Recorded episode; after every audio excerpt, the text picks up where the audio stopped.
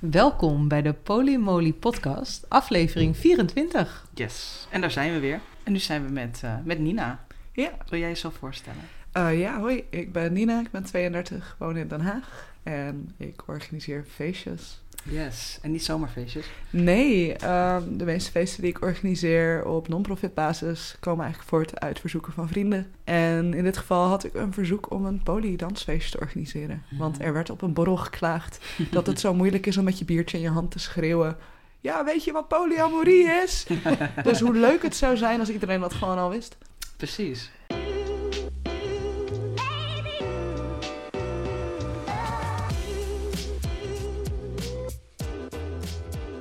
En uh, hoe lang doe je dit nu? Um, het feest organiseren doe ik al heel lang, maar dit polyfeestje um, bestaat nu bijna een jaar. We Ja. zijn in april begonnen met de eerste editie. Maar je hebt al best wel flink wat mensen die daar ook naartoe gaan. En de kaartverkoop gaat heel goed. Ja, ja, verrassend goed eigenlijk. Ja. Er was blijkbaar behoefte aan ook. Ja, nou dat blijkt. En dan specifiek ook wel eh, de hoek waarin ik het geduwd heb, waar ik mezelf fijner in voel. Dus het is Mhm. ook wel meer een queer feestje. Ja. En eh, nou, als ik kijk naar hoe mijn social media following groeit en hoe de kaartverkoop gaat en vaste terugkerende gasten, denk Ja. ik dat we blijkbaar iets goeds doen. Ja, nice, nice. En nu ben ik even benieuwd. Ben jij in de zin van polyamorie, hoe lang ben je al poly? Dan wil ik ook graag weten wie jij Ja. de persoon achter de feestjes. Ja, nou ja, ik, ik ben zelf ook polyamoreus. Ik ben zelf ook queer.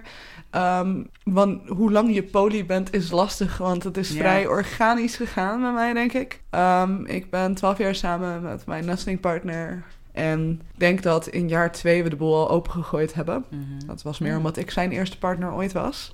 En ik dacht, ga jij de wereld eens verkennen, vriend? Ik had daar zelf niet zo'n behoefte aan. Ik ben meer een dieselmotor. Ik word misschien spontaan verliefd op iemand. Maar dan hoop ik ook dat dat voor de rest van mijn leven is. Zo eentje ben ik er. Dus hij ging vrolijk op avontuur. Tot ik een keer wel verliefd werd op iemand. En dat was toen... Nou ja, alles wat je fout kan doen in poli hebben we daar echt fout gedaan. Oh. Dat kan ik achteraf zeggen. Uh, en nu sinds tweeënhalf jaar noemen we het ook polyamorie. Iets langer, ik denk drie, vier jaar misschien zelfs al. Um, en ik heb nu ook een tweede relatie en hij ook. Maar het Oké. Een beetje organisch gegroeid. Het was Ja. niet zo, oh ja, trouwens, we zijn polyamoreus. Ja, dat hoor ik vaker van Via mensen inderdaad. mm, Ja. open naar non-mono, naar... Ja. Ja. wat zijn we eigenlijk? Ja, oké, dus je bent 12 jaar met Peter. Ja. En je bent, eh, hoe lang met Theo? Uh, ja, Theo is 2,5 jaar nu bijna. 2,5 jaar, oké. Heb je daarnaast nog partners? Uh, nee, ik deed wel een beetje. Mhm. Um, ik, ja, ik heb wat vrienden die tegen dingen aanschurken. Zoals ik al zei, Mhm. ik ben een beetje een dieselmotor. Dus ik moet echt wel opwarmen mensen Ja. langere tijd kennen... Ja. voordat ik echt met ze kan gaan daten. Dus Ja. op die manier, als je het kijkt... zijn er waarschijnlijk wel wat mensen die ik nu nog heel erg als vrienden zie... maar die misschien romantische interesse in mij hebben. Kom ik vanzelf ooit een keer achter. En toen je dus, uh, want dat is ook wel bijzonder. Je bent dan, uh, nou ja, twee, tweeënhalf jaar samen met Peter. En op een gegeven moment zeg je dan tegen hem, nou ga maar ontdekken. Ja. Vond je dat niet dood, hè? Nee, nee, want ik... Nou ja, Peter voelt wel een beetje als mijn twin flame. Mm. Uh, het is echt wel mijn beste maatje. En Ja. hè, er zijn dingen waarop we niet matchen. Dingen die gewoon altijd perfect geweest zijn. En we zijn heel goede vrienden. Dus er is een heel erg goede vertrouwensband. Mhm. Waardoor ik eigenlijk al, ook gezien wat hij zelf zocht... wist dat ik, ja, dat hij toch altijd wel weer thuis zou komen. Mhm. En dat wat hij misschien met andere mensen opbouwt... niet per direct hoeft te betekenen dat ik dat dan niet meer Ja. kan hebben met hem. Of dat het met mij dan verandert. Dus ja, de eerste keren was er wel natuurlijk hè, een beetje van... Oeh, dat is wel heel spannend of eng of een beetje jaloezie. Maar dan praat je erover. En dat ging eigenlijk wel heel natuurlijk. Ja.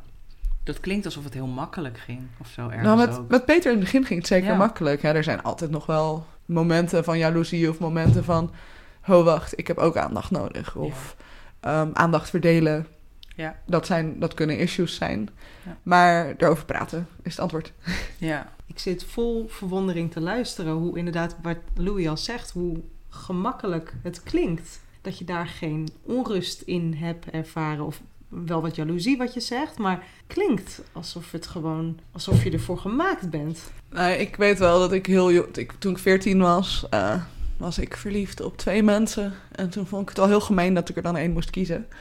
Uh, nou ja, mijn vader is ook polyamoreus, dat helpt ook. Mm. Nou ja, vroeger was het misschien net wat anders. Um, want toen wisten zijn partners niet van elkaar. Dus dat uh, noem je toch echt vreemd gaan. Uh, maar tegenwoordig is hij er open over. En daar was ik blijkbaar ook een voorbeeld in. Dus ik denk dat ik het ook wel van jongs af aan ergens op die manier gevoeld heb. En natuurlijk zit er wel zenuwen of angst. Maar het was vanaf begin af aan gewoon heel duidelijk dat het voor mij heel oneerlijk voelde dat ik misschien al heel veel ervaring had op bepaalde vlakken en Peter niet. Ja. Dus ik gunde het hem ook gewoon heel erg van ga jij eens kijken hoe het is om iemand in de Ja. kroeg op te pikken. Ga eens kijken hoe het is om met mensen te flirten of, of, of je dating sites leuk vindt of neem eens iemand mee op een Ja. officiële eerste date. Want we hebben ook nooit echt gedate. Het is gewoon, het- het- het- ineens waren we vriendje en vriendinnetje. Ja. Dus ik, ik gunde het hem gewoon heel erg. Waar haalde je die kracht vandaan uit jezelf? Het, het was ook wel het gevoel van... hé, hey, met deze jongen wil ik echt mijn leven spenderen. Als in, dit is hem. Dit is gewoon zo'n soulmate waar ik niet van af wil. Dus dan was het ook wel ergens het, het gevoel van dat het een beetje moest. Als in, je hebt toch bepaalde ervaring nodig. Want anders was het risico daar dat hij misschien zou weggaan. Ja, of anders gaat het toch ergens kraken... omdat het ergens Ja. ongelijk is of niet eerlijk verdeeld is. Dus ik denk dat het daar ook vandaan komt. Dat het me juist rust gaf dat hij meer ervaring kon opbouwen... en juist kon gaan zien wat hij zelf leuk vond. Mhm.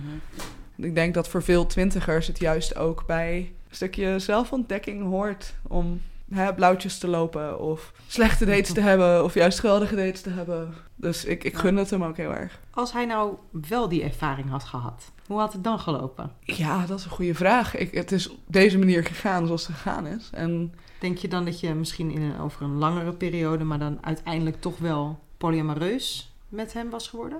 ja, misschien was het dan bij mij eerder gaan knellen. Omdat het voor mij wel... ehm, nou ja, ik val op mannen en op vrouwen. En nou ja, blijkbaar ook alles ertussenin wel een beetje. Uh, voor mij was het dan denk ik wel gaan kne- knellen. Ja. Omdat ik toch dan bepaalde dingen ga missen. Of dingen dan toch anders zijn. Ja. Um, ik ben helaas toch wel dat uh, stereotype biseksuele vrouw die het allebei ergens nodig heeft. En of dat nou in vriendschap of relatie is.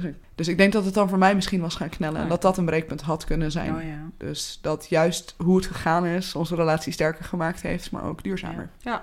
En ook met betrekking tot het vertrouwen. Ja, ja dat was wel weer even wennen. Eh, Peter heeft nu een burn-out, dus het is allemaal even niet zo Mm. makkelijk thuis. En dan, dan is het wel weer zo'n ding. Ja, dan heb je beperkte energie. En hoe verdeel je die energie dan tussen alle mensen van wie je houdt? Ja. Dus dat is iets, daar, daar struggelen we een beetje mee. En daar moeten we nu weer langzaam een beetje opbouwen om op die open communicatie te komen. En te zorgen dat iedereen tevreden is met de energie en aandacht die er is. Maar het maakt het ook juist wel weer makkelijker. Want als hij het huis voor zichzelf wil, dan stap ik op de fiets en binnen 10 minuten zit ik in het huis van mijn andere partner. Ja, ja, ja, ja. Zijn de voordelen van polyamorie eigenlijk. Zeker. Ja, ja, ja. En voor hem is misschien een concert of een feestje nu te overprikkelend, dus neem ik de ander mee. ja. En dan is dat ook no hard feelings. Dan is hij juist blij dat ik dan wel kan gaan. ja. Doe me gelijk denken aan een vraag. Wat, wat vind je mooi aan polyamorie? Wat brengt het jou? Ja, ik denk dat als je gaat kijken naar traditionele relaties, dat mensen heel erg geneigd zijn om te zeggen: ik zoek alles in één persoon. En als een van de dingen die ik dan fijn vind of wil hebben er niet is, ja, dan heb ik dat gewoon niet. Mhm. En wat ik heel mooi vind aan polyamorie is het feit dat je al die dingen kan zoeken bij verschillende personen. Mhm. Ik bedoel, we zijn als mensen al zo breed in onze interesses en in wat we leuk vinden en in hoe we verbinden. Hoe kun je dat allemaal bij één persoon neerleggen? Ja. En ook toch wel het feit, ze zeggen altijd, it takes a village to raise a child. Maar in dit geval, Mhm. ook om je eigen leven in te richten, heb je dat dorp nodig. En de partners van partners vormen dat dorp. Mhm. Dus daardoor heb ik nu in één keer een heel netwerk met fijne, open-minded mensen. En als het dan bijvoorbeeld een keertje slecht gaat met een partner... of je maakt je zorgen, nou, dan spreek je je meta aan van... hé, hey, wat kunnen we doen? Dus het is echt wel het, het, het samen zijn en het elkaar dingen gunnen... Mhm. Ja. wat het voor mij heel mooi maakt. En wa- wat zijn afspraken die jij bijvoorbeeld met eh, Peter hebt of met Theo hebt of wat? Heb je afspraken? Ja, er zijn wel wat afspraken. Ehm, een deel daarvan kwamen we op een gegeven moment achter... zijn ook soort rudimentaire restjes uit de tijd dat, het nog, dat we het nog non-mono noemden... Mhm. die ook eigenlijk al helemaal niet meer op zijn plek zijn. Dus die zijn wel continu aan het veranderen. Mhm. Maar wel een van de regels is dat bijvoorbeeld als het gaat over ehm, nou ja, seks. Dat doen we in principe bijvoorbeeld als we met z'n drieën in een huisje slapen. Want we zijn met z'n allen een keertje een weekendje weg. Dat de andere er geen last van heeft. Of dat het niet gebeurt. Ja, dus het mag wel, maar Ja. zorgen dat het niet... Ja, en als we met drieën zijn of eh, een van mijn partners en ik dan en mijn meta... dat Ja. dan er niet heel intens gekleft wordt in een hoekje... terwijl de ander een beetje er, er, er eenzaam bij hangt. Ja. Dus gewoon aandacht verdelen, ehm, duidelijk communiceren... en een beetje mindful zijn dat je anderen geen last hebben van je. Precies. En even voor mijn eh, beeldvorming. Heb je dan een V-relatie met eh, Theo en Peter? Ja. ja, Ja, zij eh, Oh, daten niet samen, maar zijn wel goede vrienden. Dus Ja. dat helpt wel. Oh, dat is ook leuk. Doen ze dan ook dingen samen? Ja, dat gebeurt wel eens dat ik weg ben met vrienden. En dat zij met z'n tweeën dan thuis zitten te gamen of bordspelletjes Oh, ja, gaan doen. Of bijvoorbeeld ja, voor de verjaardagscadeautjes geven ze elkaar altijd dingen om te doen. Dus dan gaan ze, I don't know, mountainbiken. Of Oh, dan dat gaan ze leuk. Hebben ze elkaar leren kennen door jou? Of kennen ze elkaar Ze kenden elkaar ook al. Ik ken Theo ook al zeven jaar. Oh ja. Langer. En dat was omdat zijn toenmalige vriendin eh, licht aangeschoten ehm, met mij kwam praten over Olympische sporten. En volgens mij ook met al het vrouwelijks gewoon ter plekke aan het flirten was. Maar ja, en daardoor raakte ik dus aan de praat met Theo. Het grappige is dat ik in het begin echt dacht van... Oh, dat vond ik hem onuitstaanbaar. Ik kon hem echt niet luchten of zien in het begin. Maar ik hem echt heel... Ik vond hem een, een, een, een, een, een iets pieterige, vervelende, preachy vegan. En ik dacht echt, oh, ga weg. Want ik had toen wel nog gewoon dierlijke producten. En nu ben je vegan. Ja, nu ben ik ook vegan, dus eh, dingen kunnen raar lopen. Dankzij Peter hebben we ook wat trouwens. Want ik kan niet flirten. Ik zie ook niet of mensen met mij flirten. En dat heeft Theo ook. Dus anders had het voor eeuwig geduurd. dus Theo ging... Op een gegeven moment was hij blijkbaar erg obvious en dat hij me leuk vond. En Peter ging, yo, hij vindt je leuk. Ik zei, nee, waar heb je het over? En een week later, jij vindt hem ook leuk. Ik zei, nee, echt niet. En op een gegeven moment dacht ik, nou, misschien zit er toch wat in. Ja. Dus toen heb ik dingen een beetje op spits gedreven. En dat Mhm. was bijna 2,5 jaar geleden, dus dat heeft gewerkt. Is daar nog onrust geweest tussen hun twee? Ehm, nee, nee, ik denk juist ook vooral omdat Peter degene was die eh, aan of opmerkte dat Ja. er wat gebeurde, blijkbaar. Dus er was niet zozeer onrust. Dat wel in het begin was, nou ja, die new, relation, new relationship energy, dat kan nogal heftig zijn. Dus ehm, vlak voor ik mijn tweede vaccinatie kreeg, daar was hij wel boos over, snap ik, bleef ik voor het eerst bij Theo slapen. En toen eh, was dat in acht dagen tijd vier keer dat ik bij hem was. Dat, Theo, Hmm. dat Peter wel zei, leuk, als je thuis bent weer, na de vakantie, dan gaan we weer even dimmen. Je hebt nog een maand voor al deze eh, veelste blije enthousiasme en dan gaan we weer even verdelen. Ja, dus een nieuwe relationship energy, daar had Peter ook wel even last van. eh, Ja, ja, ik zat eh, ook toen we, we waren samen op eh, vakantie. En ik was eigenlijk continu ook eh, vastgekluisterd aan mijn telefoon. Mm. Ook met Theo aan het Mm. appen. En Ja. achteraf, ja, dat was heel intens. Maar ook de eerste keer voor mij op die manier. Ja. Dus daar hebben we ook wel van geleerd dat we dan soms een beetje moeten kijken naar... hey, nieuwe situatie, nieuwe mogelijkheden. Dus wat gaan we daarmee doen? Ja. En ja, het is uiteindelijk allemaal goed gekomen. Er zit nu denk ik een redelijke routine in. Ja, ik vond het ook echt heftig, die nieuwe relationship energy. Ik wist niet wat me overkwam. Ja, het grappige is, normaal zien we dat alleen maar bij één persoon. Ja. Dus dan denk je bij één persoon gewoon en dan, dan vinden we dat allemaal heel normaal. Maar als er dan nog iemand is om rekening Ja. mee te houden, dan is het even anders. Ja. Ja, dat was wel een dingetje inderdaad. Dat had ik niet verwacht eigenlijk. Ja. Ja. Had jij verwacht dat het alleen maar eh roze geur en maneschijn zou zijn? Natuurlijk.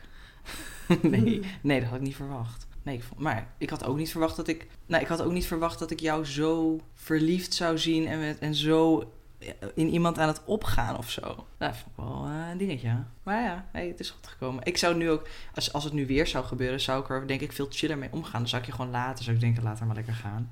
Ze is verliefd en dat stopt wel weer ergens een keertje.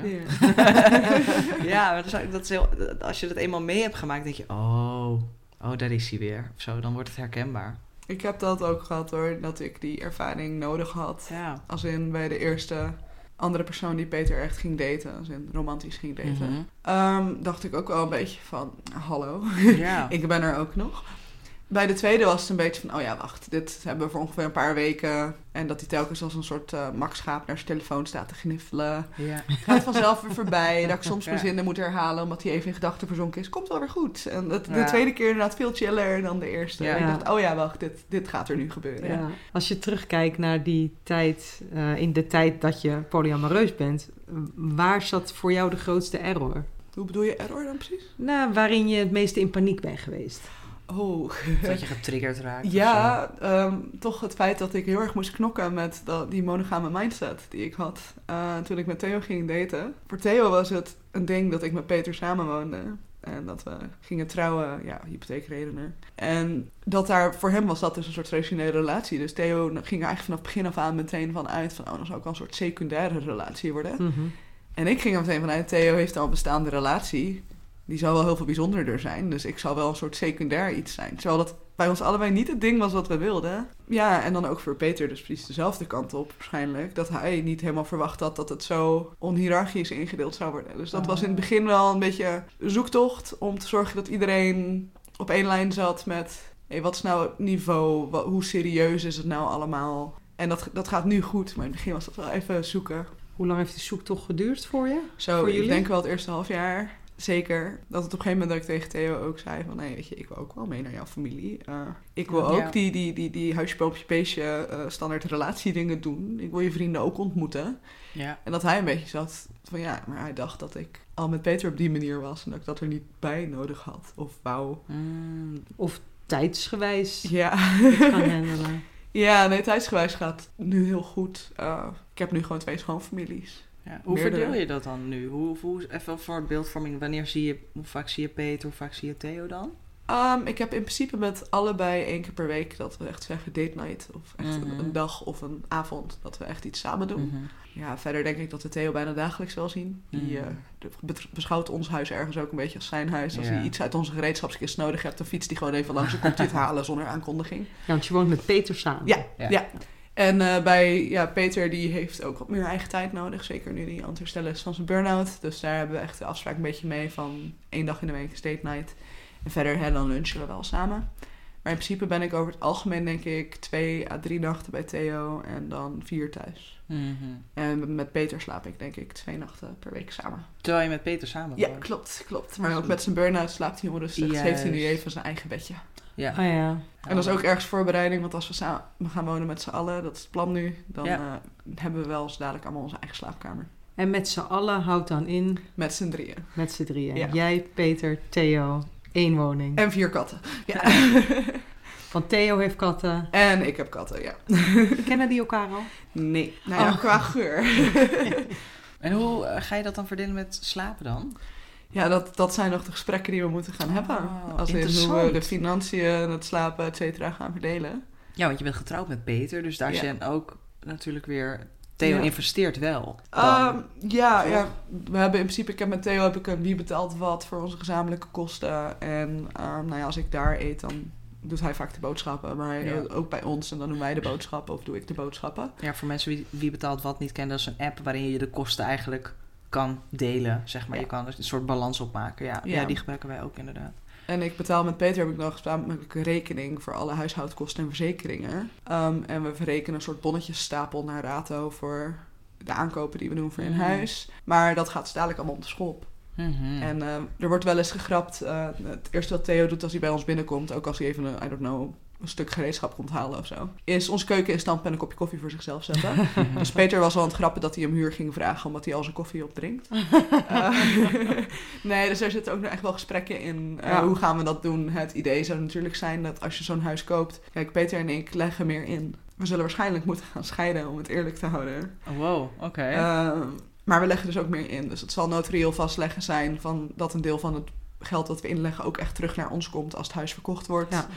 En dan het restant hypotheek wel met z'n drieën betalen. Dus eigenlijk dat wij dus een deel van ons eigen geld investeren in het huis. Maar ja, Theo is dan weer een timmerman. Dus die kan eh, alle handige klusjes in een Ja. rondom huis doen. Die zal meer tijd investeren in het opknappen van het huis. Wat dan- ook in waarde natuurlijk ook gewoon weegt. Ja, want dat klopt. scheelt weer ergens anders weer geld. Ja. Ja, en eh, Peter is heel goed met Excel. Dus ik denk dat we ons er geen zorgen om hoeven te Ja, maken. ik denk dat we daar allemaal wel manieren voor vinden.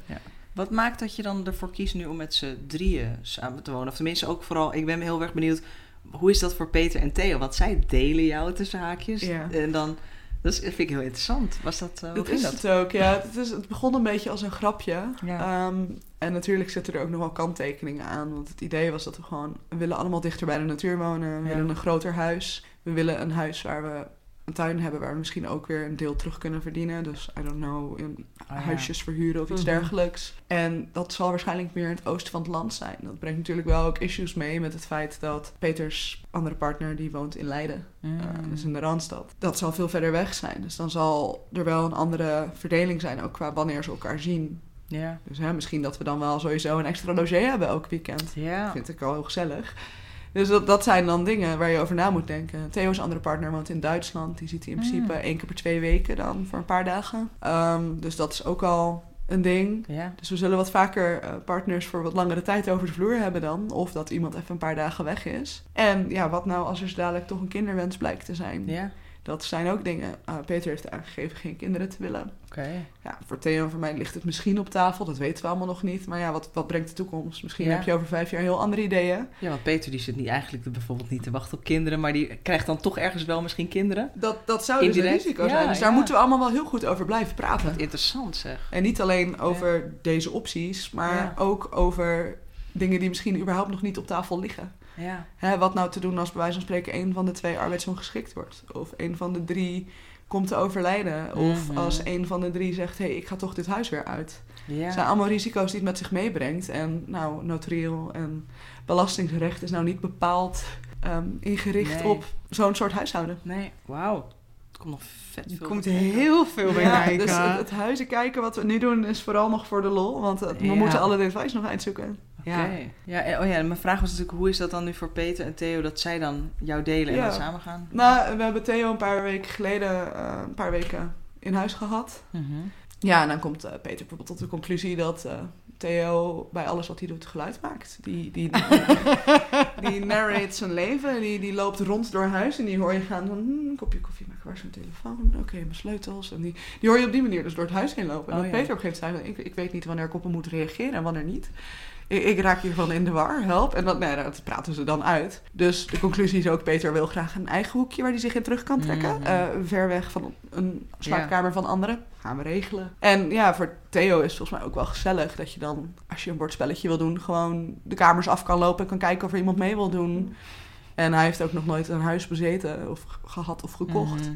Dus dat is dan voor hem natuurlijk ook wel Ja. spannend. Ja, ik kan me voorstellen. Dus er zitten heel veel pluspunten aan. Er zijn wat minpunten en wat kinks die we er nog uit moeten trekken. Ja. Dus ja. Ervaren zij geen onrust met betrekking tot jou? Ik bedoel, het lijkt me lastig dat als je met z'n drieën samenwoont, dat jij hebt dan dat je de nacht gaat doorbrengen met Peter. En Ik denk, ik kan natuurlijk niet voor ze spreken, maar ik denk dat in het begin dat er echt wel soms onrust was. Ik denk dat het voor Theo onzekerheid was misschien over, wordt mijn relatie met Nina ooit wel serieus op die manier, omdat Mhm. Peter er al was. Ja. Ik denk dat het voor Peter eh, heel erg wennen was aan de intensiteit die Theo en Mhm. ik dan samen hadden. Dat is nieuw, dat is iets ja, anders. hè, 12 als je, jaar als je en 12 twee jaar samen bent met iemand, is dat heel Ja. anders dan Ja. een nieuwe relatie. Dus ik denk dat dat echt wel wennen was, maar dat we daar nu wel redelijk onze weg in gevonden hebben. Mhm. Ehm, ik, ik heb ook niet het gevoel dat er echt nog jaloezie of onzekerheid is als ik bij de een of bij de ander slaap. Mhm. Theo bewonder ik er überhaupt over. Volgens mij is die er pas echt voor gemaakt. Die lijkt die animositeit en onzekerheid niet te voelen. Die is sowieso niet zo bezig met dat, dat monogame standaardje van je bezit je partner of zo. Ja. Dat zit er niet in bij hem. En ja, bij Peter en mij, we hebben in het begin hebben we dat wel heel erg op die manier gedaan. En was toch altijd het idee dat wij elkaars anker waren en het Ja. thuiskomen. Ja. En dat, dat is dus ook verschoven. Dat het toch ook anders geworden is. Waar merk je dat aan? Ja, de, de zelf, vanzelfsprekendheid dat je bepaalde dingen samen doet, denk ik. Dus bijvoorbeeld dat... Kerstvieren of zo, dat soort dingen? Ja, eh, ik denk dat dat het is. Als voorbeeld, ehm, ik doe nu kerst bij mijn familie en daar gaan ze allebei mee. En ehm, ik vier kerst bij Theo's familie. En ik vier kerst bij Peters familie. Ja. En dat is dan nu wel oké. maar bijvoorbeeld, ik ging met Peter altijd samen naar specifieke festivals. Dat deden we samen. Nou, nu gaan we met een hele groep naar dat festival. En Theo is er ook. Ja. En dat eerste jaar, ja, we- waren vrij recent pas samen. Dus we hebben voornamelijk samen in de tent geslapen. En dan moeten we daarna wel weer even van, oh ja, wacht, dat is niet helemaal eerlijk. Dus dat moeten we weer even doorwisselen of dat moet weer even anders. Maar dat zijn dan dingen die vanzelfsprekend waren voor met ons samen. En die nu is er in één keer iemand bij om mee te delen. Dus er zit echt wel, ja, er zit echt wel wat ongemakken in of dingen die je dan moet bespreken. Ik vind polyamorie ook wel een soort trial and error ding of zo. Ja. Je, je, het is, je kan, maakt niet uit wat je allemaal afspreekt. Af en toe is het gewoon, je, je moet het doen en dan denk je, oh, dit is echt shitty. dit, is Ja. echt, dit werkt echt niet. Oké, en dan ga je weer een soort van gathering en dan ga je het weer bespreken en dan denk je, oké, oké, we hebben het, nu hebben we het. En dan ga je weer op je bek. Dan denk je van, Ja, en ik denk soms ook, want dat heb ik mezelf aangedaan, om het maar even zo te zeggen, de hele tijd mezelf triggeren. Ja. Dus niet elke keer een stap terug van, oké, ik trek het niet, maar ga maar. Je ga maar, door ga maar. het, Het, ja. doet pijn, het doet pijn, ga maar, ga maar, ga maar. Het er was natuurlijk wel een, een grens, maar... En dat heeft er nu wel voor gezorgd dat ik eigenlijk heel erg oké ben dat jij overnacht bij anderen. ja, maar ben je er echt oké mee of onderga je het? ik ben er 90% oké mee. Maar wat is die 10% dan? Nou ja, ik moet niet gaan beelddenken. Ja, daar had je het laatst En- ja. In de ochtenden heb ik het moeilijkst. Hmm. Dus eh, voor nu ben ik heel blij dat jij meestal rond een uur of half acht in de ochtend weer thuis bent. Ja. En dan hoef ik me dan niet druk te maken als ik 's ochtends wakker word. Ja, precies. Dat, heb ik, dat herken ik wel hoor. Dat heb ik ook wel gehad. En dan ergens van, ik, nee, ik moet dit gunnen aan andere mensen. Dat. het met Peter ook pas over gehad. Dat hij zo aangaf van, ja, er zijn wel grenzen die ik je over heb laten lopen. Die ik gewoon had Mhm. kunnen aangeven onder het mom van, ik mag me niet aanstellen en dit is toch normaal. Juist. Dus dat moet je juist blijven kunnen uitspreken. Ja. En ik herken dat van mezelf ook wel de eerste keer dat nou ja, ik actief meemaakte dan dat Theo voor meerdere dagen naar Duitsland ging. Want zijn partner woonde eerst wel gewoon in Rotterdam. Die is op een gegeven moment verhuisd. Mm. Vond ik heel moeilijk. Ik weet nog dat ik dan echt... Ik heb, ik heb die dagen dat hij er was helemaal volgepland. Om er maar niet aan te denken. En dat ik daarna dacht, oh wacht, wat gebeurt er dan eigenlijk? En toen was de conclusie dat ik eigenlijk me nog niet zeker genoeg voelde met Theo om... De fundering was nog niet sterk genoeg. Ja, dus dat ik daardoor me wel zorgen ging maken in het begin. En ook met Peter, dat hij dan een, een, een eerste keer echt een weekendje wegging met zijn andere partner. Dat ik echt dacht van, oeh, wat ga ik dan doen? Nou, dus ik zat bij Theo, maar wel een soort van zo continu zenuwachtig. En continu met een soort idee in mijn hoofd van wat nou als hij erachter komt dat hij dit toch leuker vindt. Dus het was voor mij echt teruggaan naar de basis van waar komt dit dan vandaan? En de conclusie was vervangingsangst. Of de angst dat ik misschien zelf niet bijzonder of leuk genoeg ben. Ja. Ja. Vervangingsangst. Ja, de, de angst dat ehm, er iemand anders gevonden wordt die wel beter is dan jou, dus dan ben jij niet meer nodig. Mhm. Dat, een soort, dat ik, mijn conclusie was dat mijn jaloezie vooral voortkwam uit dat idee, de angst om eigenlijk vervangen te worden door iemand anders. Ja. Of de angst om niet meer nodig te zijn of niet meer speciaal te zijn voor iemand. Ja, denk je dat dat iets monogaams is ook? Ehm, De angst om, te, om vervangen te worden? Of is dat, denk je dat dat ergens anders uit voortkomt? Of, Ja, ik denk dat ik een, een vrij ehm, ingerichte vorm van poly heb. Ik denk dat mensen die bijvoorbeeld echt meer relatieanarchie of echt volledig onhiërarchische poly hebben, dat dat wel anders werkt. Ik gok dat die mensen die angst misschien minder hebben. Komt bij mij denk ik vooral voort uit echt mijn eigen onzekerheden. Toch die angst van Ja. dat ik niet belangrijk genoeg of leuk genoeg ben Ja, voor ja. iemand. Dus dat moet ik dan bespreken. En wat ik dus merk, wat voor mij heel erg helpt, is hè, de dagen naar zo'n date van de ander dan toe, dat ik hè, even wat meer bevestiging krijg. Of even wat meer aandacht. En dus wel weten waarin ik bijzonder ben voor iemand. Want hoe vraag jij dan om bevestiging bijvoorbeeld? Heb je, Oh. daar, heb je daar ook afspraken over? Ze weten allebei dat ik heel erg van de bevestiging ben. Dus dat helpt. Eh, maar ik kan wel lekker irritant gaan. Vind je me nog leuk? Eh, vind je me echt nog leuk? Hou je echt nog van me? En dan ja, weten ze nu allebei dat, het dat ja letterlijk genoeg is. Mhm. Dus Ja. dan is het gewoon ja, schatje. Of dan krijg ik even een bevestiging of een complimentje. Het Ja. zijn allebei ook wel lekkere typjes die niet zo van complimenten geven zijn. Dus die moet ik er soms wel uittrekken. Dat weten we, dus dat doe ik. Ja. Ik heb mijn complimentenlasso soms klaar liggen.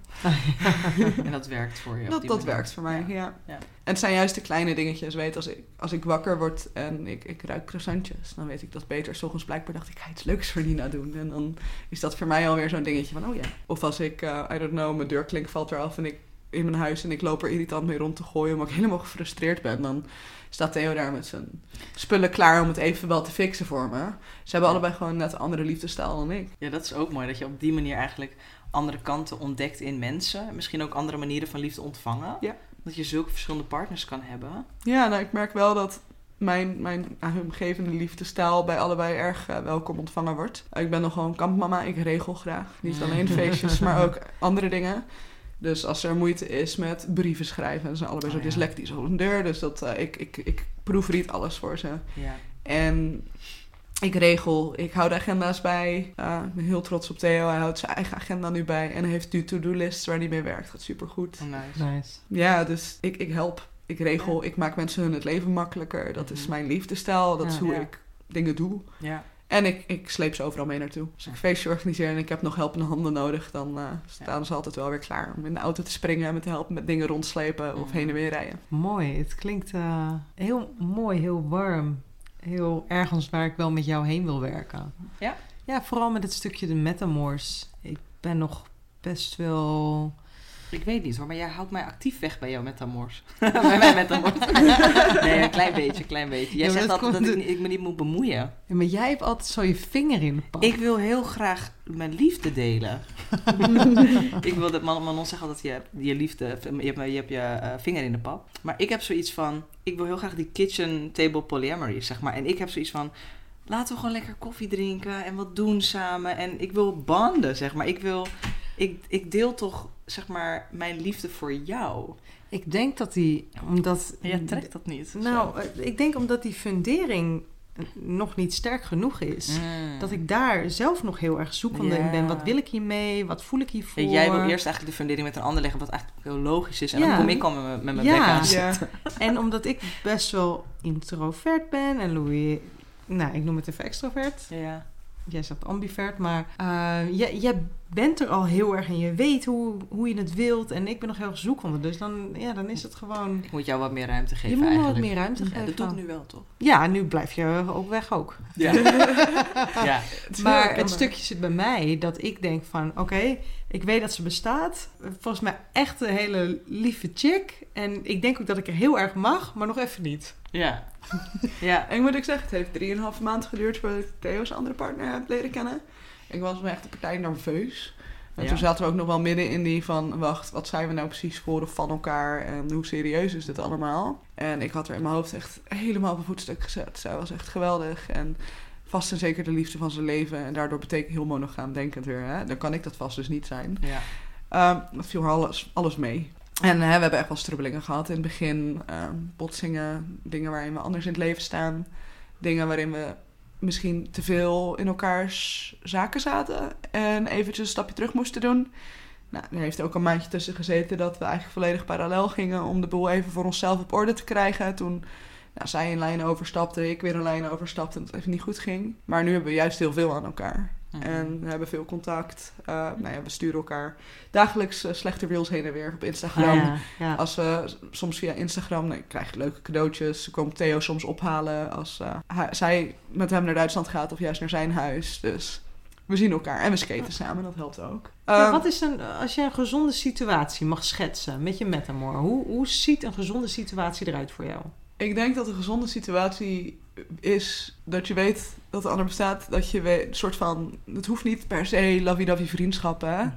Maar wel gewoon eh, samen koffie kunnen drinken of door een deur kunnen. Of met z'n allen op een feestje kunnen zijn. Ehm, kunnen denken van, oh wat zijn ze lief samen als je ze ziet. En ook wel bij elkaar terug kunnen als je bijvoorbeeld zorgen hebt. Mhm. Of juist verrassingen wil doen. Ik heb echt van mijn Meta en Theo een, prachtig verjaardagscadeau gekregen. Eh, sorry Theo en Kira, maar ik ga het toch echt vertellen. Ze hebben een nude, nude kalender gemaakt van Oh. Theo's prachtige billen. Ze hebben, ik heb eh, twaalf maanden met allemaal heel erg tasty mooie naaktfoto's van de beste man. En er ik had al zo'n vermoeden, want ik kreeg soms zo'n fotootje gelekt of zo. Het was, oh ja, ik was in de studio vandaag met Kira. Oh ja, want ze is kunstenaar, dus natuurlijk maakt ze mooie dingen. Oh, wat leuk. En in één keer kreeg ik dus een kalender van hun twee. En Kira en ik hebben nice. samen een soort boekje gemaakt van Theo die naar kunst kijkt. Want we nemen hem vaak mee naar musea. En dan staat hij altijd op zo'n heel typische manier. En we, we hadden allebei op een gegeven moment dat we foto's heen en weer stuurden van... Hé, hey, kijk, hij doet het weer. Met zijn handjes op zijn rug zo heel uitgebreid naar schilderijen staan te kijken. Ja. Dus we hebben een boek gemaakt, inclusief lelijke teksten en selfies en foto's. En dat was zijn verjaardagscadeautje. Dus dat zijn toch leuke dingen, dat je dat met zoveel liefde samen Ja. kan doen. En een paar maanden bezig bent met gewoon iets doen voor iemand van wie je houdt. Of van Ja. wie iemand Ja. waarvan jij houdt, van houdt. Ja. Ik Ja. zou heel graag een metamoor hebben met wie ik samen Manon kan pesten. Oh ja, dat, Dat wil ik heel graag. ik wil eigenlijk iemand die, net als ik Manon pest met haar leeftijd en met hoe, hoeveel chips die ze eet. I would love to. Maar ja, Ja, dat, dat die leeftijd, dat gebeurt ook wel. Ik was zo confused over mijn leeftijd dat ik laatst bij de dokter was en dat ik zei, ik ben 37. En toen zei de dokter, je bent nog helemaal geen 37. Ja, maar maar dat wil ik delen met iemand. ja. Ik, wil, ik wil memes maken over jou. Oh. ja, dat wil ik. Dan sturen. Ja, ik krijg wel eens om eh, vier of vijf uur s ochtends of zo echt zo'n super nooit audioberichtje van Kira. Waarop ik op de achtergrond Theo echt bomen hoor omzagen, want hij kan snurken als de mannen. Ze slaapt heel dicht. En dan krijg ik zo'n dingetje. En ik heb nog wel eens dat zij een audio message stuurde. En dat het de vraag was wat effectiever zou zijn: een koekenpan of een kussen op zijn hoofd. dus dat soort dingen. Dan kunnen we een beetje samen om hem lachen. Of Ja. dan Ja. is het ook. Bijvoorbeeld dat zij, ja, ik erger me er dan aan dat hij is zo lekkere treuzelaar en hij is altijd chaos. Waar liggen mijn sleutels? Oh, in de koelkast, er maar zo eentje. Ja. Ja. En ik ben eh, van het heel erg op tijd komen. Dus ik eh, ben ondertussen vaak bezig met al zijn spullen verzamelen en in zijn tas jekkeren.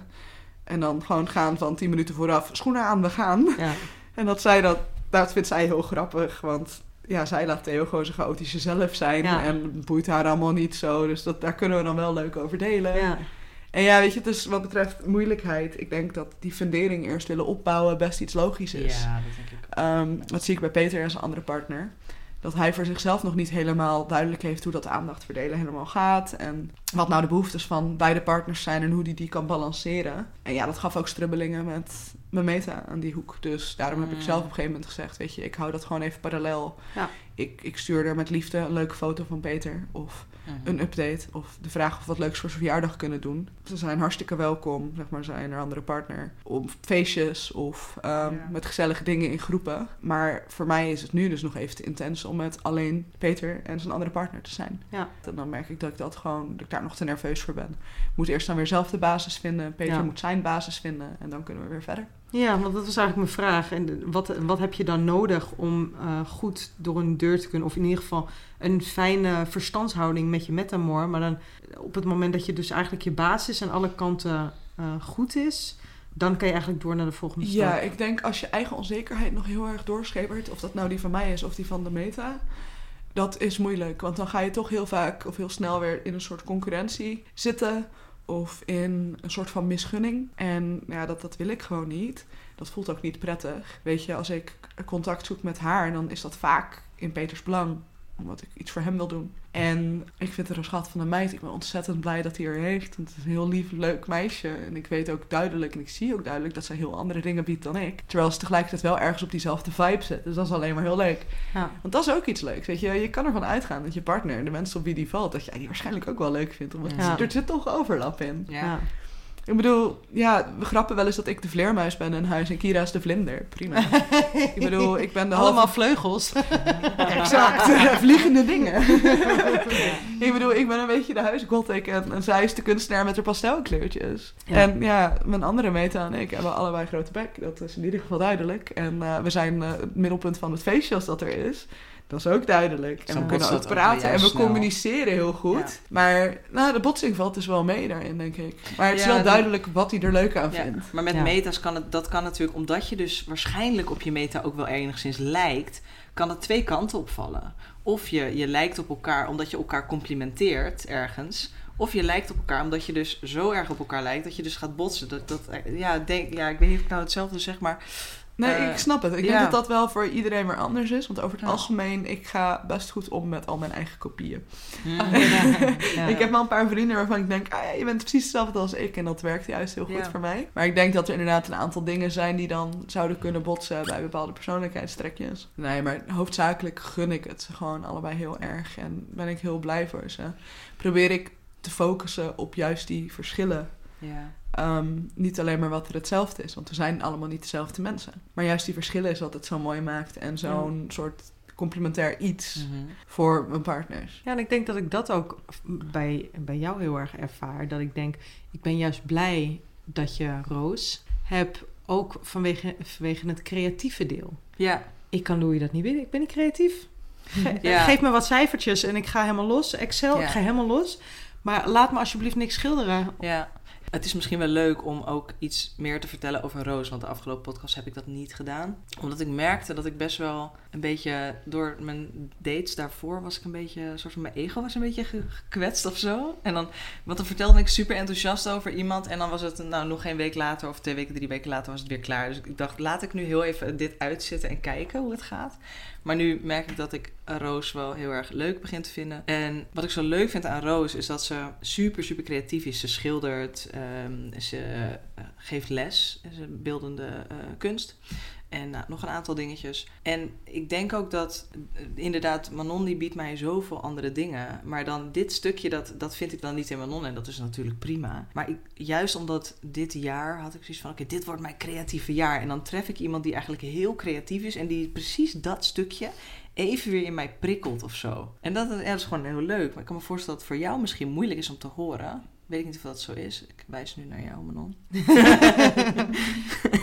Nou, eigenlijk niet. Nee, omdat ik juist heel erg blij ben dat in dit stuk... dan hoef ik me tenminste niet meer ongemakkelijk te voelen... in iets wat ik niet kan en Ja. jou dat niet kan bieden. Dus Ja. dan ben ik blij dat je leven verrijkt wordt door iemand die jou dat wel kan geven. In dit stukje heb ik echt geen Je onzekerheid. voelt daar geen concurrentie Nee, over. Nee, je- Absoluut niet, want ik weet wat ik jou in alle andere hoeken wel kan bieden. Ja, ja, precies. Ja. Nou ja, en dus om nog verder te gaan met het verhaal. Wat ik, wat ik dus wel tof vond om je een voorbeeld te geven. eh, we, ehm, elke keer als ik op date ga met Roos, dan zegt ze wat de dresscode is. ze ziet elke date als een soort feestje of zo. Dat vind ik al heel grappig. Eh, maar ze had ook een PowerPoint gemaakt voor onze tweede date. En, eh, en gewoon de date gepresenteerd. Weet je wel? Oh, en op een filmpje. En dat soort rare dingetjes. Nou, dat vind ik echt geweldig. En dat is... Ja, ik, ik weet niet. Dat, eh, dat, dat, dat het me op alle juiste punten of zo. En dan, eh, we hebben eh, een van de, laatste dates zijn we gaan schilderen samen bij haar thuis. En toen hadden we twee kleine schilderijtjes. En dan elke tien minuten gingen we wisselen. Moesten we eh, presenteren aan elkaar. En dan moesten we hem omruilen. En gingen we met elkaar schilderij verder.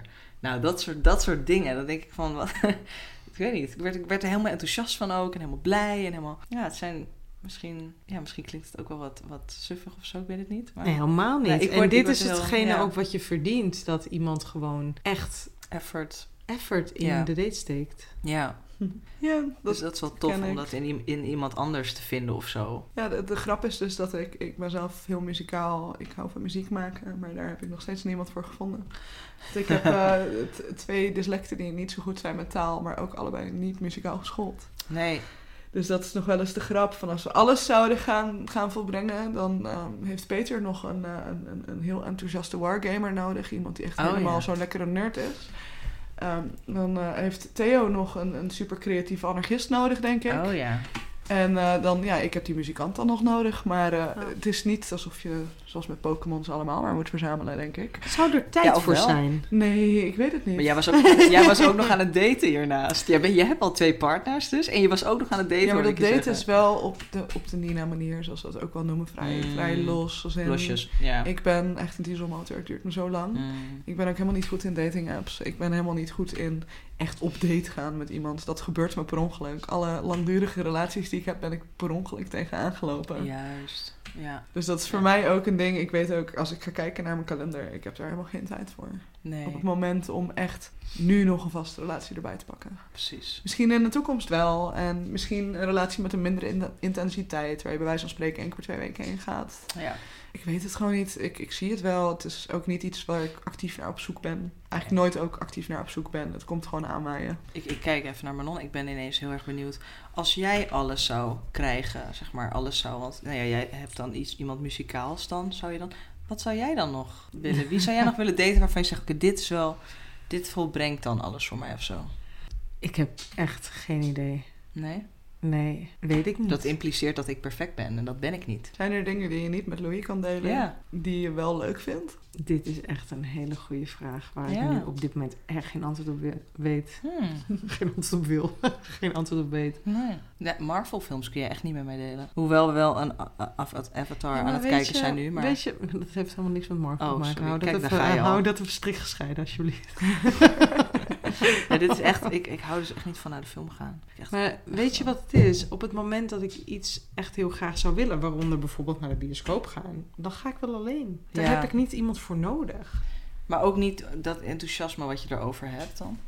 Nee, dan ga ik wel op een of andere forum zitten of zo. Ja. Weet ik het. Ja, oké. Ja, Maar ik- dat ook, dat, dat, dat heel erg gewoon content zijn. Want wat er is Ja. en wat je hebt, werkt Ja. heel erg Ja. voor mij. maar ik denk ook, eh, sinds ik Louis heb leren kennen, ben ik veel meer gaan mezelf gaan ontplooien. Eh, waarin ik voorheen eigenlijk alleen maar aan het werk was en daarnaast uitging. Een een relatie had, eh Mhm. 9 van de 10 keer. Maar voor de rest was ik helemaal niet bezig met waar ligt mijn behoefte, wat wil ik, wat wil ik de rest van mijn leven. Waar zijn mijn hobby's? Dus daar ben ik nu nog heel erg zoekende naar. Ja. Dus ik denk dat deze vraag sowieso nu niet beantwoord kan worden, Nee. omdat ik het gewoon überhaupt niet weet. Nee. Maar liefje, je bent wel perfect. Oh, Het is toch wel een eh klojo. Maar dat hoort erbij. Ik hou heel veel van jou. Dank je. Ik jou. Dankjewel, ik jou ook. Ik jou ook. ik ook van jou. Dankjewel, ik jou ook. Goed gedaan, liefie. Ja. Ja, dat is dus ook wel... Ik ben ook wel nieuwsgierig naar jullie. Ik merkte zelf heel erg dat ik best wel moest wennen aan sommige verschillen. Kijk, bijvoorbeeld...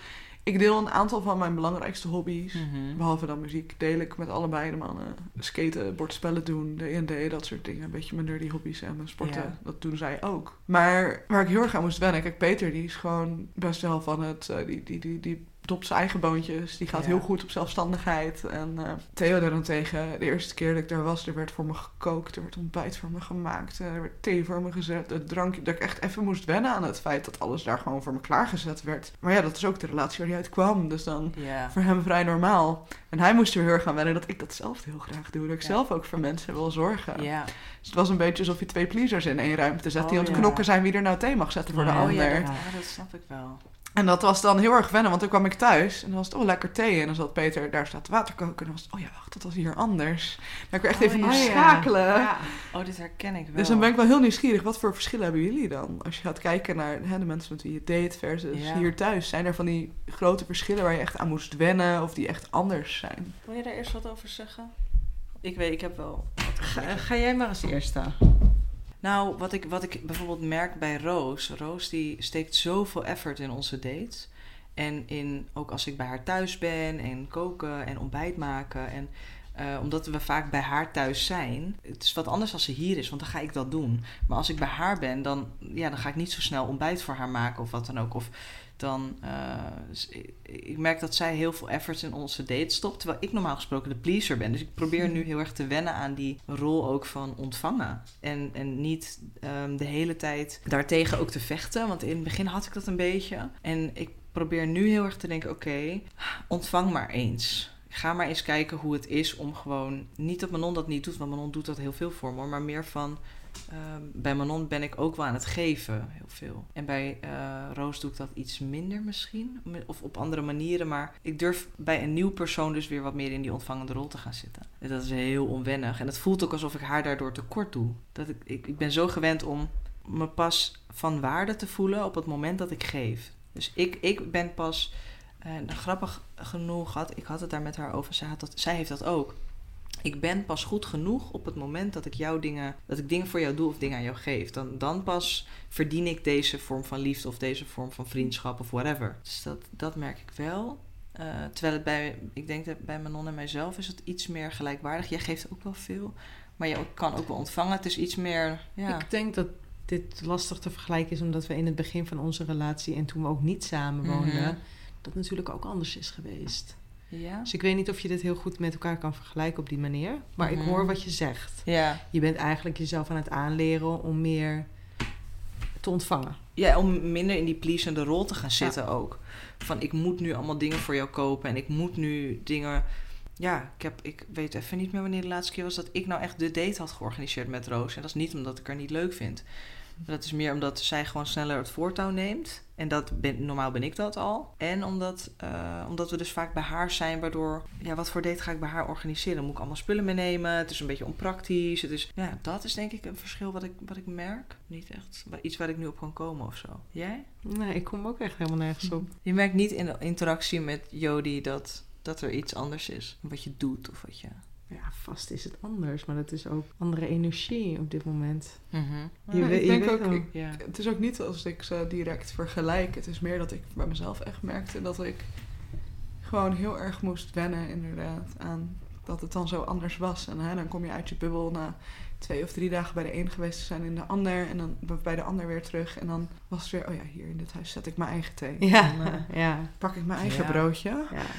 Ja, en dat, dat maakt het juist ook wel weer mooi dat je dan die verschillende dingen bij verschillende mensen kan vinden. Ik denk ook dat dat voor mij vooral de waarde is die ik heel erg heb aan Poli. Dat het verschillende dingen zijn die ik mee kan. Kijk, bijvoorbeeld bezig met uitgaan hartstikke leuk, weet je. En nu dan even wat minder, wat veel prikkels. Maar die is wel om twee uur tijd die af, s'nachts. Ik, niet, als, ik zie de zon opkomen als ik de kans krijg. Ik word daar heel blij van.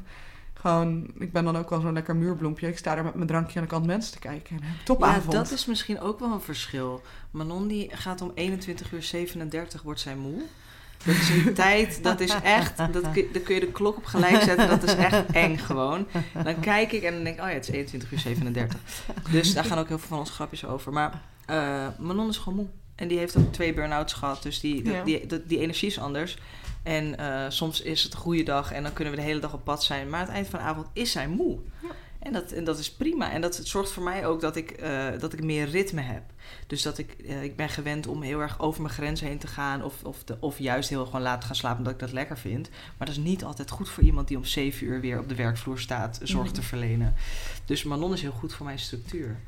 Terwijl bijvoorbeeld Roos is een soort van bubbly person.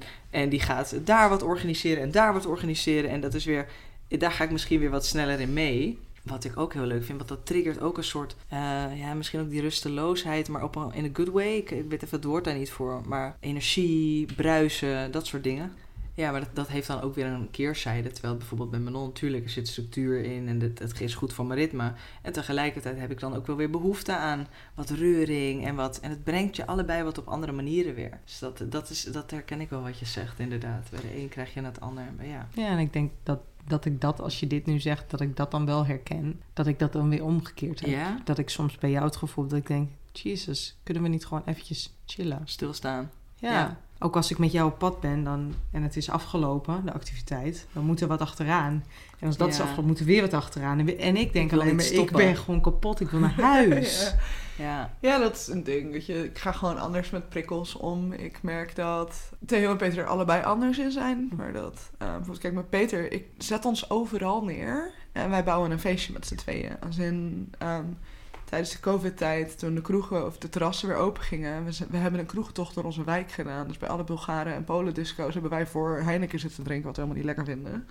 Want dat was ons feestje en dat deden we samen. Zaten we in één keer bij een salsa-avond. We dansen allebei niet, weet je. Maar dan zitten we daar wel. En dat, dus voor ons was het echt, je, je kan ons overal neergooien. En wij bouwen wel een feestje, wij hebben het wel naar ons zin. Gooi ons in een bergdorpje in Tsjechië, waar twee oma's en een kip wonen. En we hebben het ook tof met z'n tweeën. Ehm, Theo is daar wat, wat selectiever. Die, die ehm, heeft wel een bepaalde vibe nodig. Die moet in een bepaalde mindset zitten. En ja, dan vindt hij dat leuk. Maar dat is wel meer een feestbeest dan Peter. Kijk, concertjes, festivals, die jongen rennen net zo hard door als ik. Terwijl Peter dan eventjes tussen de middag ligt te slapen bij de tent. Ja. Ja. Mhm. Ehm, maar ook als het gaat om feestjes, als het feestje het correcte soort feestje is, dan eh, ziet Theo met mij samen de zon opkomen. Dat maakt het ook wel heel fijn. Maar juist voor Peter is dat ook denk ik een opluchting van, oh, dan hoef ik dat niet meer. Hey. Mhm. En dat, dat heb ik ook, weet je. Ehm, ik, ik, ik hou wel van gewoon praten en diepe gesprekken en al die dingen. Maar een, een, een volledige psychoanalyse van elkaar maken en diepe gesprekken over je jeugdtrauma's hebben als date, nou, dat zie ik dan weer minder zitten. Mhm. Maar Peters andere partner, die vindt dat leuk. Ja. Voor haar is dat echt relatie bouwen. Mhm. En dan ben ik heel blij dat hij dat bij haar kan vinden, dat ik dat dus niet hoef te doen. Ja. Dus er zit ook echt wel zo'n soort balans in van, wat fijn dat je dat dan ook bij iemand Ja, anders precies. hebt. En dat ik dat niet hoef. Heb je dan iets wat je wel lastig vindt? Dat, Ehm. dat hij bij een, een van je partners eh, wel bij een ander haalt, ontvangt? Ja, ik denk meer, de, meer een vibe dingetje. Theo en zijn andere partner, ja, die zien elkaar niet zo vaak. Kijk, Theo en ik zien elkaar bijna dagelijks. Eh, we zijn twee, drie nachten per week samen. En vaak zit er ook nog een hele dag aan vast. Omdat we nu allebei even niet werken. Ehm, maar hij ziet haar niet zo vaak. Dus eh, een week vooraf begint, begint de voorpret al. Oh, ik ga bijna Kira weer zien. Super veel zin in. En dan Mhm. Ik merk dat dat me soms wel nerveus maakt. Want natuurlijk ga ik dat niet hebben. Want ik vind het heel fijn dat ik hem zo vaak kan zien. Dus dat blijft dan minder bijzonder om elkaar elke keer weer te zien. Dus dat betekent ook dat je meer moet gaan waken over dat je soms wel echt een, een specifieke date day hebt en niet je administratie naast elkaar op de bank zit te doen. Ehm, dus dat, dat bijzondere heb ik op een gegeven moment hem ook over gehad. Van dat moeten we er soms zelf inbouwen door een feestje naar een feest te gaan. Of Mhm. een rustig dagje Ja. samen te hebben of iets te plannen. En dat was in het begin vond ik dat heel moeilijk. Ik merk nu soms ook wel dat als dan het stukje voorpret weer begint, want hij ziet er bijna, dat ik er nu sneller echt blij om ben. En dan ik denk, oh superleuk voor jullie. Ja. Want ze is gewoon, ook door hoe onze relatie zekerder geworden is, minder een bedreiging. Of eigenlijk geen bedreiging meer. Zij is gewoon Mhm. zij en ik Ja. ben ik. Dat zijn twee heel andere relaties. Ja. Die ook letterlijk andere behoeften voldoen. Ja. En ik ben ook weer heel blij dat ik niet alle, al het generd over Pokémon mee hoef te maken met Theo. dat hij dat lekker in Duitsland gaat doen. ik bedoel, ik wil best soms naar zijn kaartjes kijken. Dat vind ik geen probleem. Maar het, is gewoon, het maakt mij duidelijk minder blij dan hem. Ja. Dus dan vind ik het heel leuk dat hij Ja. die blijheid met iemand anders zo Ja. kan delen.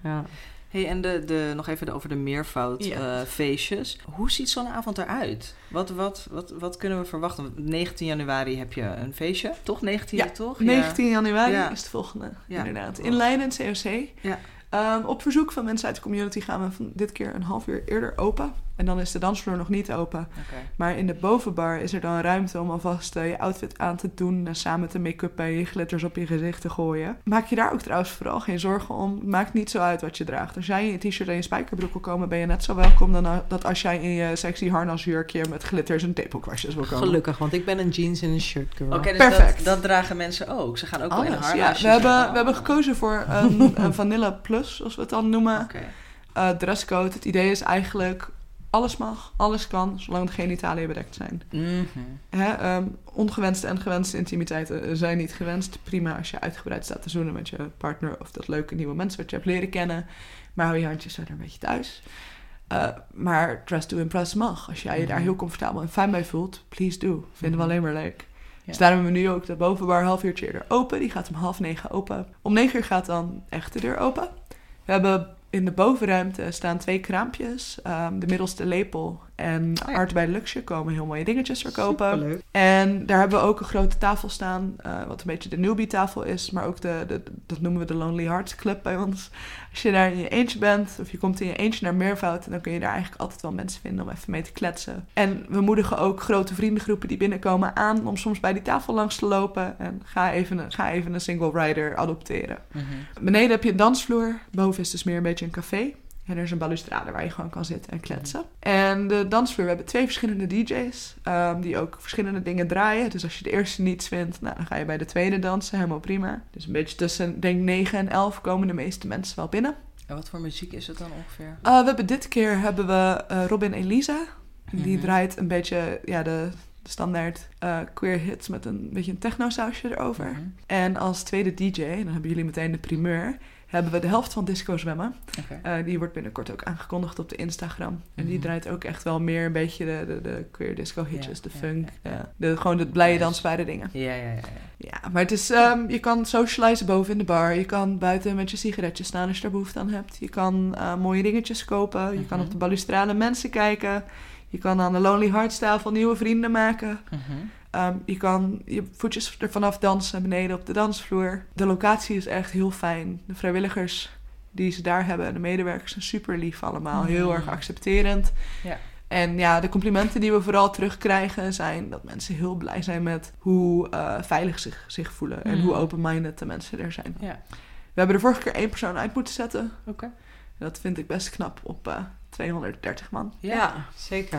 Ja. Het was één meneer die de memo niet helemaal begrepen had. Die eh, kwam er bij een eh, heel lief lesbisch koppel bij staan met nou lekker hoor. Oh, en die ja. ging tegen een paar dames, begon die hele verhalen. Dus jij bent poli, dus jij houdt er wel van. Dus die moesten we eventjes terugroepen.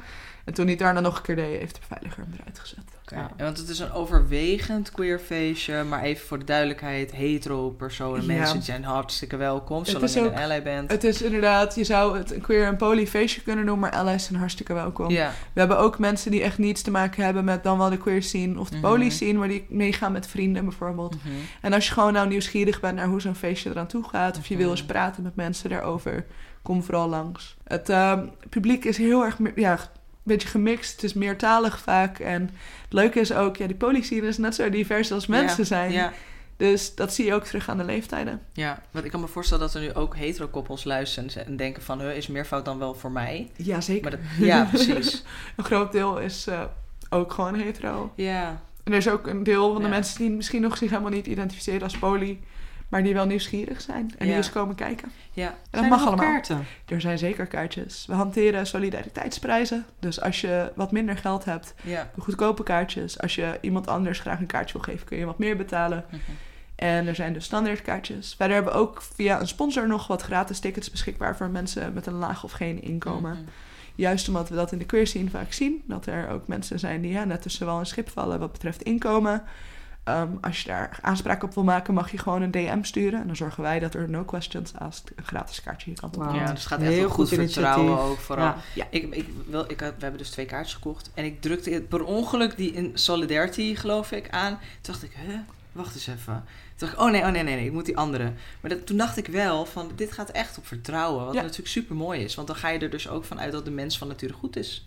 Ja, maar dat, zie het, ik ook ja. wel. De vorige keer, kijk, dat is waarom we nu meer gratis kaartjes kunnen aanbieden. Mhm. Vorige keer hebben we meer mensen gehad die de hoge solidariteitskaartjes gekocht hebben Mhm. dan laag. Wauw. Wat dus betekent dat we een buffertje hebben om meer gratis kaartjes weg te Nou, geven dat dit is wel keer. echt nice. Ja. Heel goed initiatief. Ja, Ja, en super. het is, het is ook vooral, we willen het voor iedereen mogelijk maken. Dus, en ook onze vrijwilligers, kijk, die krijgen een leuk bedankje. Ik heb Mhm. eh, samen met de andere twee organisatoren, hebben wij ons eten en drinken eruit.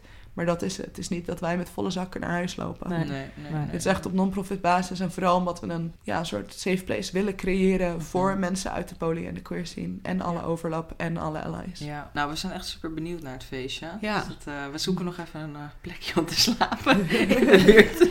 dus we gaan nog even kijken. Maar eh, we hebben in ieder geval wel al een kaartje gekocht. Ja, het Ja. fijne is wel dat Leiden op het nachtnet zit. En kijk, als je ver van een station af woont, is Ja. dat moeilijk. Maar voor heel Ja. veel andere mensen is... We hebben een locatie gezocht waardoor je wel in veel Mhm. steden in Nederland nog kan komen. Ja, we konden Ja. echt nog prima naar huis hoor, maar we zijn gewoon lui. Dus.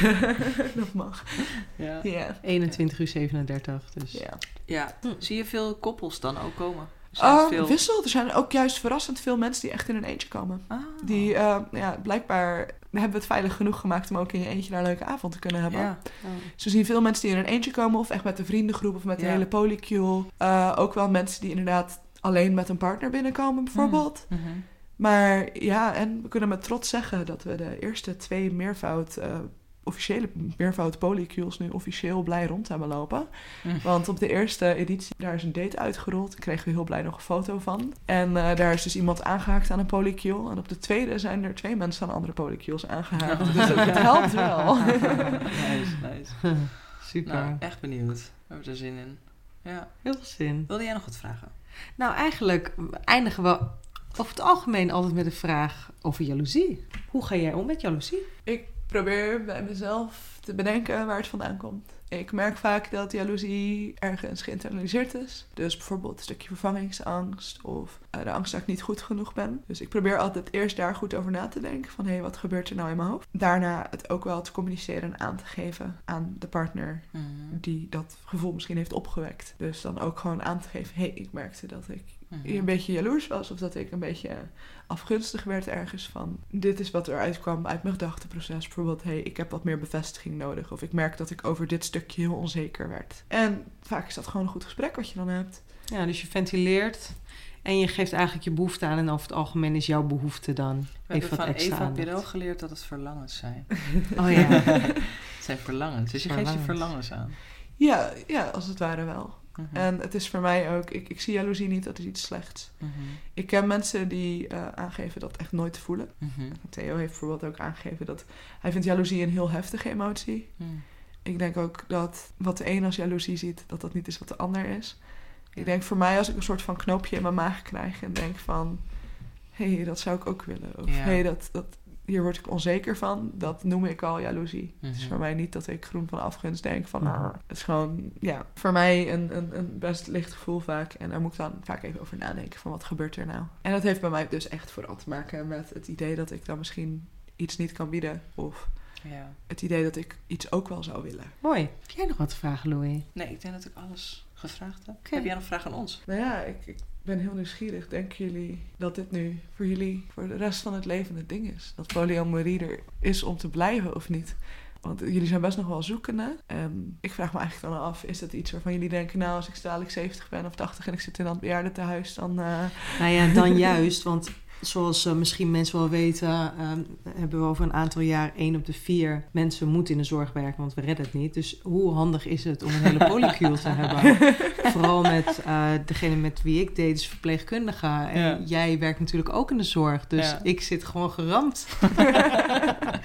Eh, nee, maar om antwoord te geven op je vraag. ehm, er zijn momenten dat ik met Louis ben en dat we echt helemaal weer in een roze bubbel zitten. Roze wolk of in een bubbel? Een roze Dat bubbel. Ja, dat we in een roze mm, wolk, op een roze wolk met z'n tweeën zitten. Ik weet het niet. Eh, dat ik echt zeg, laten we gewoon stoppen met die hele polyamorie. Wat, wat, wat, wat- het is niet nodig of zo. Maar Ja. anderzijds denk ik, het is zo mooi, het is zo fijn, het is, kan zoveel delen. Je Mhm. hebt zoveel liefde te geven. Dus eh, het, gaat, eh, het gaat altijd met vlagen. Dus wie weet wat het brengt. Jij dan? Nou ja, ik herken wel wat je zegt inderdaad. Dat we soms dat gevoel hebben van... Ik heb eigenlijk niemand nodig behalve jij of zo. Dat gevoel heb ik bij Manon heel erg. Maar als ik dan bij Roos ben, bijvoorbeeld... dan denk ik, oh, maar dit wil ik helemaal niet missen of zo. Dat, eh, en waarom moet ik eigenlijk kiezen? Want ik, ik heb toch gewoon, ik heb mijn non en dat is gewoon waanzinnig. En dat ik, dat, dat ik dan daarnaast ook nog mag ontdekken met andere mensen, dat is helemaal super waanzinnig. En dus ik zie mezelf wel ook als ik eh, oud ben, nog wel polyamoreus, maar misschien op een wat rustiger tempo. Ik zat mezelf van de week af te vragen waarom ik eigenlijk op uh, dating apps zit. Ben op een gegeven moment dat, omdat ik dacht, ga ik experimenteren, ga ik kijken. En toen, uh, en nu denk ik van, oh ja, het voelt bijna alsof ik dan heel hard op zoek ben naar iets. Alsof ik moet daten. Maar mag je ook gewoon zijn en moet ik per se nu met iemand daten? Wil ik me polyamoreus voelen of zo? Kan ik ook gewoon met mijn non zijn en kijken wat op mijn pad komt? Snap je? Dus dat uh, dacht ik wel. En ik dacht, nee, ik vind het echt ook wel heel erg leuk op dating apps zitten. En date ook gewoon wel leuk. Ik denk dat gewoon het gevoel van de vrijheid. Ja. Dat ik dat wel gewoon wil blijven nastreven. Ja. Dus of nou wel of niet wat is. Ja, het dat het kan. kan. Het kan, Ja. ja. Ik zou niet, dit hebben we al vaak gezegd, ik zou niet teruggaan naar monogamie eigenlijk. Nee, nee. En soms juist in, op momenten van angst, eh, dan bekruipt het me wel even, denk ik van, oh, wil ik dan niet gewoon terug? Maar nee, nee, ik denk wel dat het, uh, it's, a, it's, it's a stay for me. Herken Oh. ik. Ik denk dat het er bij mij ergens altijd al in zat. Ja, En dan, nu is er gewoon een woord voor. Ja, Ja, exactly. En heel erg veel verschillende dingen om te lezen en te leren en te Echt doen. zo. Nou, mooi. Ik vind het mooi, eh, mooi voor de afronding ook. We zien jou sowieso de 19e van januari. Uiteraard. Superleuk. En voor, voor de mensen die zich afvroegen waar blijft de um, update over de Satisfyer Pro die ik uh, laatst gekocht heb, die is kapot. Dus ik had hem geopend. Ik weet niet of je dat gehoord had. Maar ik had uh, in de aflevering met Eva Pirel had ik uh, mijn Satisfyer, mijn nieuwe Satisfyer. Maar ik uh, wilde hem die avond heel vrolijk gebruiken en hij, hij bleek kapot te zijn. Dus kon hem weer terugsturen. Dus tot zover geen update. Uh, jij bedankt voor het luisteren. En uh, we wensen je een fijne avond. Of ochtend. Of ochtend. Shit, dat doe ik steeds. Ja, of middag. Ja, Gewoon een hele fijne dag. Een hele fijne dag. Alright. Doei. Doei.